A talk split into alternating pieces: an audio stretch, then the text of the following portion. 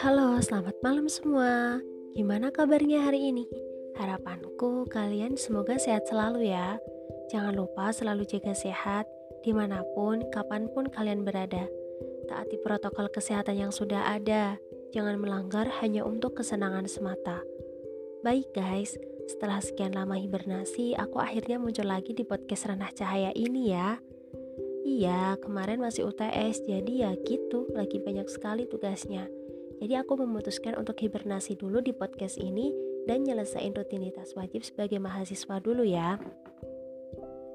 Tapi alhamdulillahnya lancar-lancar saja. Sekarang bisa nemenin kalian lagi kan? Terbesit dalam hatiku loh untuk membuat podcast dengan judul Insecure. Kenapa? Karena aku tuh kepikiran banyak sekali remaja-remaja saat ini yang insecure dengan hal apa pun Makanya aku ingin sedikit ngasih motivasi buat kalian supaya kalian mau bangkit dari sifat itu. Ya intinya mungkin pengalaman hidup yang aku punya bisa membuat pelajaran kalian saat ini gitu loh. Berbagi cerita, saling sharing satu sama lain gitu. Yap, aku hari ini akan membahas tentang makna buah kegagalan sebagai awal suksesmu dan jauhi sikap insecure terhadap orang di sekitarmu. Paham nggak? Oke, aku ulangin. Maknai sebuah kegagalan sebagai awal suksesmu dan jauhi sikap insecure terhadap orang di sekitarmu. Udah nyambung kan ya? Oke, langsung saja ya. Kalian tahu kan gimana rasanya pernah ditolak banyak kampus seperti yang aku jelaskan di podcast sebelumnya tentang memaknai sebuah kegagalan. Ini sebenarnya hanya lanjutan saja dari podcast itu. Sebenarnya tuh ya, masih banyak yang harus diceritakan, harus dibagikan ke kalian. Semua untuk memotivasi supaya kalian tuh mau bangkit dari masalah itu dan tidak terus-menerus di arus kesedihan gitu loh. Intinya, untuk kegagalan yang pernah kalian alamin saat ini, saranku seperti yang sudah aku jelaskan di podcast sebelumnya, yaitu kalian harus bangkit Ketika kalian mau bangkit, aku yakin hal-hal positif akan mendekati kalian. Tinggal kalian berani mencoba untuk maju atau tidak. Pengalamanku juga seperti itu. Niswa yang zaman SMA terkenal kaku, enggan untuk organisasi apa pun. Waktu tiga tahun hanya digunakan untuk monoton. Seperti itu terus tahu. Yang membuat aku tuh jadi kaku ketika aku lulus dari SMA. Kayak gitu. Kenapa kok bisa kaku? Ya dalam hal apa pun kayak gitu loh. Dari jiwa sosialku kurang sikap insecure terhadap orang-orang di sekitarku sangat tinggi. Jadi aku tuh membuat diri aku sendiri tuh sangat kaku untuk terjun langsung dengan orang-orang baru kayak gitu nah membuat aku mengubah pola mindset aku akan hal itu aku mencoba untuk lebih berbaur dengan orang-orang di sekitarku Jangan luangkan waktu sedikit pun hanya untuk layah-layah semata. Untuk itu aku membuat kesibukan sendiri nih. Ya, aku ikut kegiatan apa saja, asal itu hal positif dan dari situ ya, aku banyak sekali belajar. Dan apa yang aku dapatkan dari situ? Ya, itu banyak sekali. Jiwa-jiwa sosialku tuh semakin berkembang karena setiap hari bertemu dengan orang-orang baru kayak gitu. Namun, ketika ada sisi positif yang aku dapatkan dari situ, ada juga sisi negatif yang aku dapatkan juga kayak gitu. Jadinya imbang. Ketika kalian dapat sisi positif, kalian juga pasti dapat sisi negatif kayak gitu kan. Tapi tinggal kalian bisa keluar nggak dari sisi negatif itu, kalian bisa nggak ngelaluin hal itu kayak gitu. Iya. Aku dapat sisi negatifnya, aku jiwa-jiwa insecureku tambah tinggi sekali. Ya dulu aku pernah ngalamin insecure yang sangat luar biasa karena aku pertama melihat body. Iya, aku ya selalu insecure terhadap orang yang bodinya bagus, kulitnya putih dan lain-lain. Aku dulu sempat ngira kok aku gendut banget ya, banget ya, bulat banget sih pipinya. Padahal dalam pikiran orang-orang aku tuh ya biasa aja gitu. Namun aku merasa insecure yang berlebihan tersebut loh.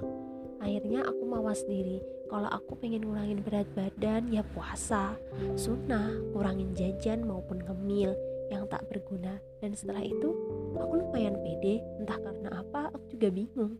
Sampai saat ini mungkin ini lebay ya menurut kalian tapi itu yang membuat aku insecure terlalu tinggi menurut aku. Tapi seriusan ini pengalaman gue ini sesuatu yang aku alamin sendiri guys. Selanjutnya aku pernah ngalamin insecure apalagi ya selain badim? Oh iya yang kedua yaitu aku insecure terhadap pikiranku. Yang menurutku waktu itu sangat kolot aku dulu ngira sangat bodoh. Karena apa? Ditolak banyak kampus itu. Faktor utamanya itu. Sehingga yang membuat mentalku down lihat teman-teman sudah kuliah asli aku sampai segitunya guys. Tapi aku juga berpikir waktu itu buat apa sih aku sedih terus-terusan? Ya kan? Akhirnya aku milih untuk memperbanyak suatu pekerjaan itu. Tadi biar apa? Biar aku lupa dan biar aku nggak sedih melulu kayak gitu jadinya kita harus keluar dari zona kesedihan yang sudah melekat di hati. Kita harus menghapusnya dengan sesuatu yang baru kayak gitu. Nah itu aja sih sedikit cerita insecureku. Kayaknya aku cuma insecure itu aja. Kalau yang lain-lainnya kayaknya ya simpel-simpel aja sih. Nggak terlalu yang tinggi kayak gitu. Kalau kalian para remaja-remaja bagaimana sih? Kalian insecure dalam hal apa saja? Body otak sama materi kah atau yang lain. Kalau banyak menemui kayak gitu ya sama kayak gitu. Aku juga banyak kok menemuin orang-orang seperti itu. Kadang aku sendiri geleng-geleng kepala karena aku juga bisa terbuai akan sikap itu gitu loh. Kenapa kok aku juga bisa ya kayak gitu? Padahal hal itu tuh bisa loh dilawan kayak gitu.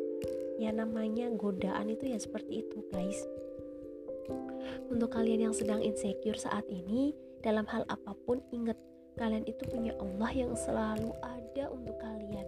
Jika kalian mau minta mau beribadah dan mau menaati perintahnya ubah pola pikir kalian dalam hal apa pun itu.